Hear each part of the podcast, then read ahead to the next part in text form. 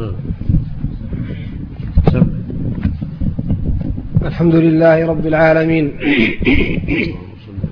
والصلاة والسلام على أشرف الأنبياء والمرسلين نبينا محمد وعلى آله وصحبه أجمعين. قال الإمام البخاري رحمه الله تعالى باب الخيمة في المسجد للمرضى وغيرهم. حدثنا زكريا بن يحيى قال حدثنا عبد الله بن نمير قال حدثنا هشام عن أبيه عن عائشة رضي الله تعالى عنها قالت أصيب سعد يوم الخندق في قالت أصيب سعد يوم الخندق في, في الأكحل فضرب النبي صلى الله عليه وسلم خيمة في المسجد ليعوده من قريب فلم يرعه ف فلم يرعهم وفي المسجد خيمة من بني غفار إلا الدم يسيل إليهم فقالوا يا أهل الخيمة ما هذا الذي يأتينا من قبلكم؟ فإذا سعد يغضو جرحه دما فمات فيها. وهذا فيه دلالة على جواز اتخاذ خيمة في المسجد للاعتكاف أو لمريض أو لفقير. لا حرج في ذلك كان في المسجد سعة مثل ما فعل النبي صلى الله عليه وسلم. واتخذ خيمة لسعد لما طعن لما طعن في يوم الأحزاب. نعم عليه الصلاة رضي الله عنه نعم. باب إدخال البعير في المسجد للعلة. الله إليك هذا يدل على أن الدم ليس بنجس؟ الدم نجس عند عند جميع أهل العلم مو باختياره. لا هذا بغير اختياره نعم. باب إدخال البعير في المسجد للعلة وقال ابن عباس رضي الله تعالى عنهما طاف النبي صلى الله عليه وسلم على بعير. حدثنا عبد الله بن يوسف قال أخبرنا مالك عن محمد بن عبد الرحمن بن نوفل عن عروة عن زينب بنت أبي سلمة عن أم سلمة رضي الله تعالى عنها قالت شكوت إلى رسول الله صلى الله عليه وسلم أني أشتكي فقال طوفي من وراء الناس وأنت راكبة. فطفت ورسول الله صلى الله عليه وسلم يصلي إلى جنب البيت يقرأ يقرأ بالطور وكتاب مسطور. وهذا يدل على جواز دخول البعير المسجد للحاجة وأم سلمة طافت من وراء الناس طواف الوداع وهي راكبة لأنها مريضة. فدل ذلك على أن من عجز أو شق عليه الطواف يطوف راكبا. والمرأة كذلك. والنبي صلى الله عليه وسلم صلى بهم صلاة الفجر يوم الرابع عشر. طاف الوداع في آخر الليل ثم صلى بهم صلاة الفجر وقرأ فيها بالطور والطور وكتاب مسطور ثم بعد الصلاة ارتحل إلى المدينة عليه في اليوم الرابع عشر عليه الصلاة والسلام. وهكذا لو قدر أن إنسانا خاف على بعيده وجاء ليصلي مع الناس وجعله في السرحة لا حرج فيه لأن البعير طاهر وروثه طاهر وبوله طاهر فلا يضر. فما يكون لحمه بوله طاهر وروثه طاهر. البعير والبقرة والفرس والغنم كله طاهر نعم. باب حدثنا محمد بن المثنى قال حدثنا معاذ بن هشام قال حدثني أبي عن قتادة قال حدثنا نعم. قال حدثنا أنس رضي الله تعالى عنه أن رجلين من أصحاب النبي صلى الله عليه وسلم خرجا من عند النبي صلى الله عليه وسلم في ليلة مظلمة ومعهما مثل المصباحين يضيئان بين أيديهما فلما افترقا صار مع كل واحد منهما واحد حتى أتى أهله هذه من كرامات الأولياء من الكرامات التي جعلها الله لبعض أوليائه وعباده الصالحين هذا أسيد بن حضير وعباد المشر أتى النبي أتي النبي في الظلمة في الليل فلما انصرف والليل مظلم أضاء لهما أسواطهما كالسراجين كل واحد يضيء له صوته حتى وصل إلى أهله. هذه من الكرامات التي يهبها الله لبعض أولياء المؤمنين. كما قال تعالى ألا إن أولياء الله لا خوف عليهم ولا هم يحزنون. الذين آمنوا وكانوا يتقون. لهم البشرى على آية نعم. اللهم باب الخوخة والممر في المسجد. حدثنا محمد بن سنان قال حدثنا فليح قال حدثنا أبو النضر عن عبيد بن حنين عن بسر بن سعيد عن أبي سعيد الخدري رضي الله تعالى عنه قال خطب النبي صلى الله عليه وسلم فقال إن الله خير عب إن الله خير عبدا بين الدنيا وبين ما عنده فاختار ما عند الله.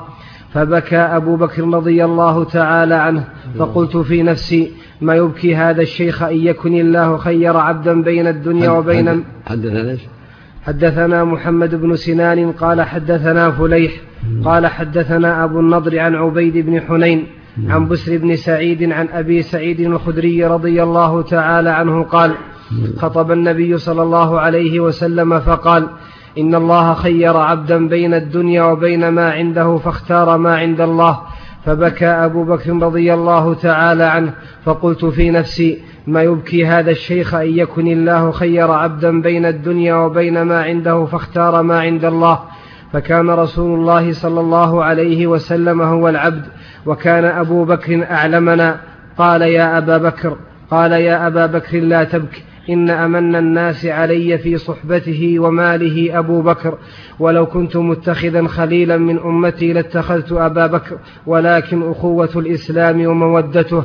لا يبقين في المسجد باب إلا سد إلا باب أبي بكر. حدثنا عبد الله بن وهذا فيه فهم الصديق رضي الله عنه قوته فهمه وأن فهم من هذا أن الرسول هو المخير وأن الرسول اختار الرفيق الأعلى اختار الآخر فبكى الصديق رضي الله عنه. نعم الله أكبر. نعم. إليك حديث أنس الماضي في قصة المصباحين مناسبته لكتاب الصلاة. نعم. ما مناسبته لكتاب الصلاة؟ نعم. قصة المصباحين قصة عباد بن بشر وسيد بن خضير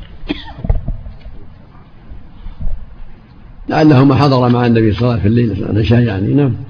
نعم.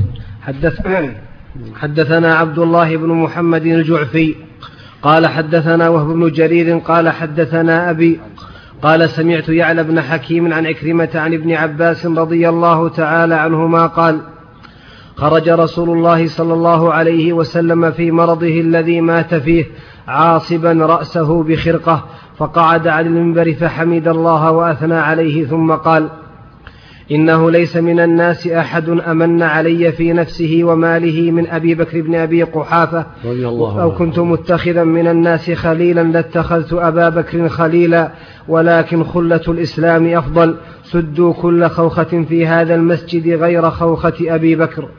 وهذا من الأحاديث التي احتج بها الصحابة على أنه أولاهم بخلافه ولهذا بايعوه رضي الله عنه. هذا أنه الخليفة بعد رسول الله صلى الله عليه وسلم.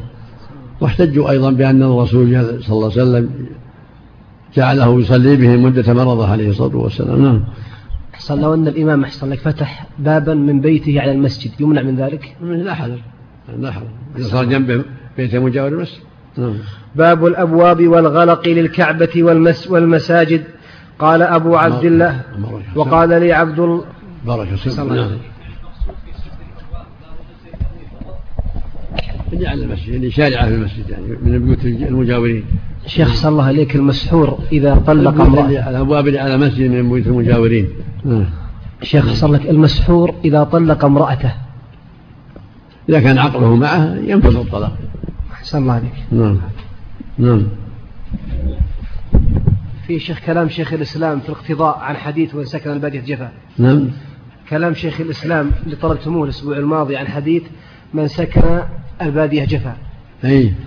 الشيخ الإسلام ذكر في الاقتضاء وقال قال رحمه الله ولهذا روى أبو داود وغيره من حديث الثوري حدثني أبو موسى عن وهب بن منبه عن ابن عباس رضي الله عنهما عن النبي صلى الله عليه وسلم قال سفيان مرة ولا أعلمه إلا عن النبي صلى الله عليه وسلم قال من سكن البادية جفا ومن اتبع الصيد غفل ومن أتى السلطان افتتن. ورواه أبو داود أيضا من حديث الحسن بن الحكم النخعي. عن عدي بن ثابت عن شيخ من الأنصار عن أبي هريرة رضي الله عنه.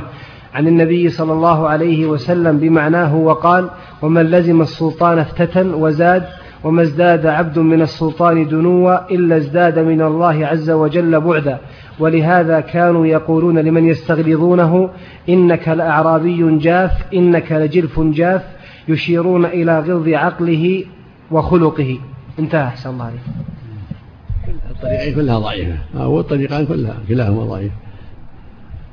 الثاني في شيخ مجهول والأول في أبو موسى مجهول. وطريق, وطريق الشيخ أحمد الأخير.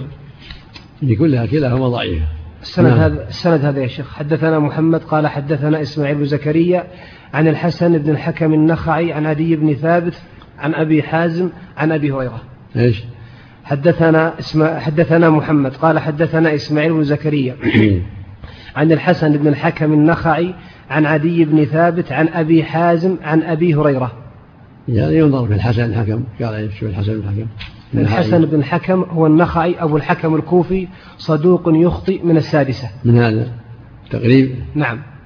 وعدي بن ثابت ثقة رمي نعم. بالتشيع من الرابعة. ظاهر هذا لا قد يشهد له البقية. أحسن الله. قد يشهد له البقية. ويشهد له الواقع لأن السكنة في البادية لا شك أنها من أسباب الجفاء واتباع الصيد والشغل بالصيد غفلة. ولزوم السلاطين لا شك أنها من أسباب الفتنة. يشهد بعضها لبعض. نعم.